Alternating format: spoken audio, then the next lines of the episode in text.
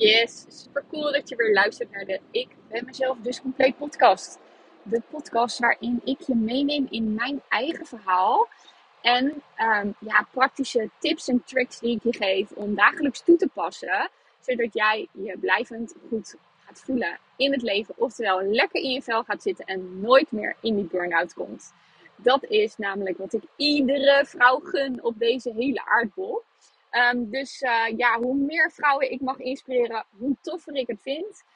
Um, en wat wil ik uh, delen met je in deze podcast? Ik zat net namelijk een andere pod podcast te luisteren van mijn eigen business coach, Francina van Master Your Business Moves. En uh, vaak als ik iets anders luister, dan krijg ik zelf ook weer inspiratie om iets op te nemen. En ik heb al een paar keer een podcast gewoon thuis opgenomen in alle rust.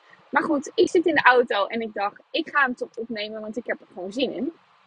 Dus doe waar je blij van wordt, waar en wanneer je bent, zeg ik altijd. Dus bij deze. En welk idee kwam er nou in me op tijdens um, het luisteren naar die podcast? Dat ik dacht van ja, alles is gewoon de schuld van de wereld. Alles is de schuld van de maatschappij. Alles is de schuld van hoe wij geprogrammeerd zijn. Oké, Karin, waar heb je het over? Wat voor schuld? Um, waar, uh, waar wil je heen? Nou, kijk. De manier waarop jij je nu voelt en de manier hoe jij uh, tot deze staat van zijn bent gekomen, laat maar zeggen. Dus um, dat je altijd maar uh, wil presteren. Dat het belangrijk is om hard te werken om iets te bereiken. Um, dat jij de lat hoog legt uh, om te zorgen dat je alles voor elkaar kunt krijgen. En dat het in ieder geval goed gebeurt. Al die dingen, dat is niet jouw schuld. Dat is gewoon de schuld van de wereld, van de maatschappij. En ik zal je uitleggen hoe ik er naar kijk. Het is niet zo dat ik iemand de schuld wil geven. Alleen um, de randvoorwaarden van waarin jij bent opgegroeid, dat heeft er wel voor gezorgd hoe jij je nu voelt in je leven. Kijk, als we teruggaan naar die eerste zeven jaar in je leven, waarin je brein één grote spons is, omdat je brein wil je veilig houden en tegelijkertijd wil die dat jij zo snel mogelijk kunt overleven in het leven. Dus hij absorbeert gewoon alle informatie die hij tot zich krijgt. Dus die allereerste informatie die jij verteld krijgt als kleinkind is mega super belangrijk. In de zin van dat jij um, ja, gaat geloven dat je altijd je best moet doen. Weet je, hoe vaak zeggen we niet tegen onze kinderen: Doe je je best vandaag? Dus indirect zeg je dan eigenlijk dat je kind niet standaard zijn best doet. Terwijl iedereen doet altijd zijn best. Dat hoef je niet nog eens extra te zeggen. Dus um, je zegt dan letterlijk van: hey, doe wel je best hè vandaag. Daar ga ik wel van uit. Ik verwacht dat van je. En zo'n kind gaat dan nadenken over wat hoort daar dan voor gedrag bij. En op school zeggen ze ook, goed je best doen hè. dus uh, daarmee vertel je dus eigenlijk van hé, hey, je moet altijd je best doen. Oftewel, je moet altijd meer geven dan, uh, dan de standaard. En we leren niet eens wat de standaard is. Daarom heb ik mezelf altijd over de kop gewerkt. Daarnaast zeggen we ook van, uh, ja, je moet wel iets doen om te bereiken. Dat is ook zo'n super slechte suggestie. Nou ja, niet helemaal. Ik bedoel, ik heb een zoon op dit moment die denkt uh, dat hij met twee vingers in zijn neus ook ergens gaat komen. Dus ik geloof wel dat je iets moet doen.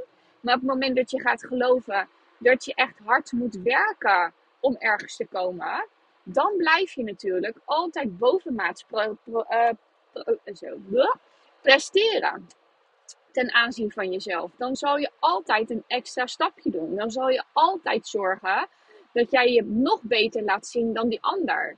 Want stel je voor, dadelijk kom ik er niet. Dadelijk ga ik het niet behalen.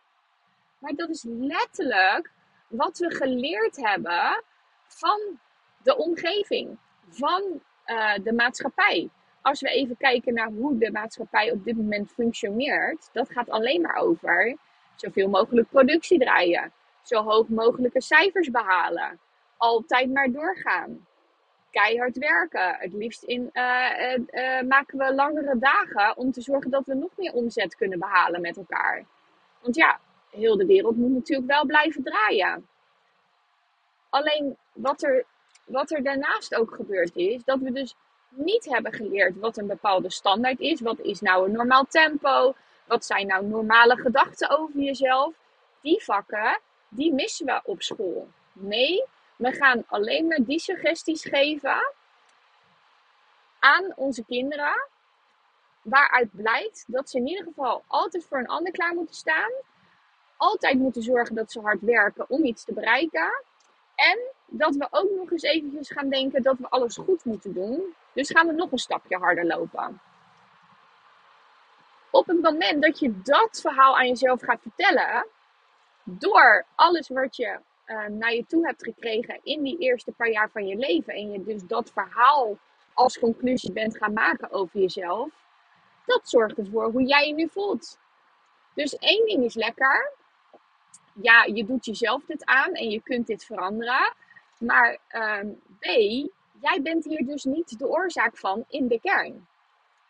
En dan denk je misschien, ja, maar hoe kan het nou zo zijn dat mijn, mijn tweelingbroer of zus, hè, één eigen tweelingbroer of zus, toch anders is dan ik hierin? Hè? Waarom reageert de een dan anders op die situatie dan de ander? Of in eenzelfde gezin?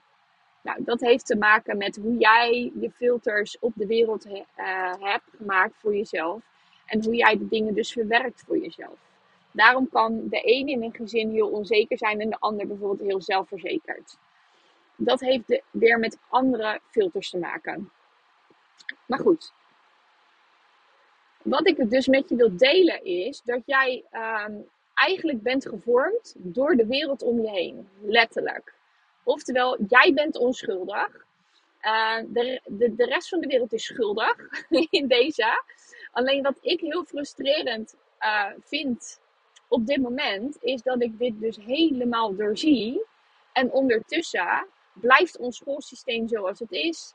Blijft het systeem van werken en presteren zoals het is. En um, ja, is het aantal mensen wat burn-out heeft op dit moment op zijn top, om het zo maar te zeggen.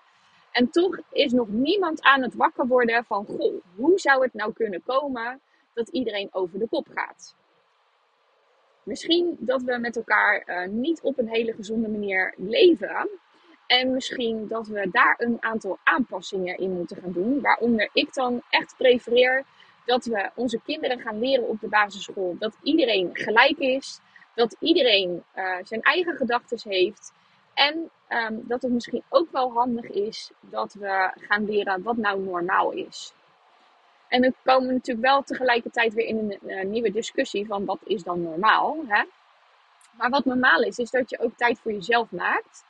En dat die tijd voor jezelf ook die rust en ruimte je helpt om nog een beter, fijner mens te worden. Oftewel te groeien als persoon. Als je namelijk de rust en ruimte hebt en, uh, in je hoofd, maar ook in je systeem om na te denken over dingen, dan komen namelijk de beste ideeën. Oftewel, dan uh, doe je dus met minder inspanning, uh, krijg je wel dezelfde uitkomst. Dat is wat ik geloof. Dus die maatschappij om je heen, die heeft er onder andere voor gezorgd hoe jij nu jezelf voelt. Hoe jij nu in het leven staat. En um, ja, hoe je over jezelf denkt. Het heeft ook mede met je ouders te maken en welke overtuigingen die hadden. En nou is het natuurlijk niet de bedoeling dat je nu hierna, na deze podcast uh, te, geluisterd te hebben, je ouders gaat opbellen. En wat heb je me aangedaan? Nee, hun wisten niet beter. Hun zijn namelijk ook geprogrammeerd door het hele systeem hier op de hele wereld. Dus je kunt het ze niet kwalijk nemen. Hun hebben altijd met de beste intentie geprobeerd om jou zo goed mogelijk door die wereld heen te helpen. En begrijp me goed, hè? Een aantal jaren geleden zei ik ook al diezelfde dingen nog tegen mijn kinderen. Kijk, nu denk ik uh, steeds beter na over wat ik mijn kinderen meegeef. En dat betekent niet dat ik nooit meer een fout daarin maak. Ja, fout, leermoment, hè? fouten bestaan niet dat ik daar nooit meer een leermoment in heb. Maar wat wel zo is, is dat ik veel bewuster bezig ben met wat vertel ik nou eigenlijk indirect tegen mijn kinderen. Want dat is wel het gevolg van hoe hun zich gaan voelen voor de rest van hun leven. En ik kan echt niet alles voorkomen, want ik bedoel, er zit ook nog iets van een middelbare school uh, tussen. Die uh, ze nu van alles bijbrengt en vertelt en noem het maar op. Dus dat hangt allemaal samen met die programmering over jezelf. Dus het is super belangrijk om te gaan kijken en te beseffen dat jij eigenlijk hier helemaal niks aan kan doen met hoe het zo gekomen is. Waar je wel iets aan kunt doen, is hoe nu het verhaal voor de rest van je leven verder gaat. Weet je, wil jij blijven hangen in het slechte verhaal over jezelf, waarin je jezelf klein houdt, naar beneden houdt, zegt dat je, dat je het niet goed gedaan hebt, dat het altijd beter kan, dat die lat hoog mag liggen.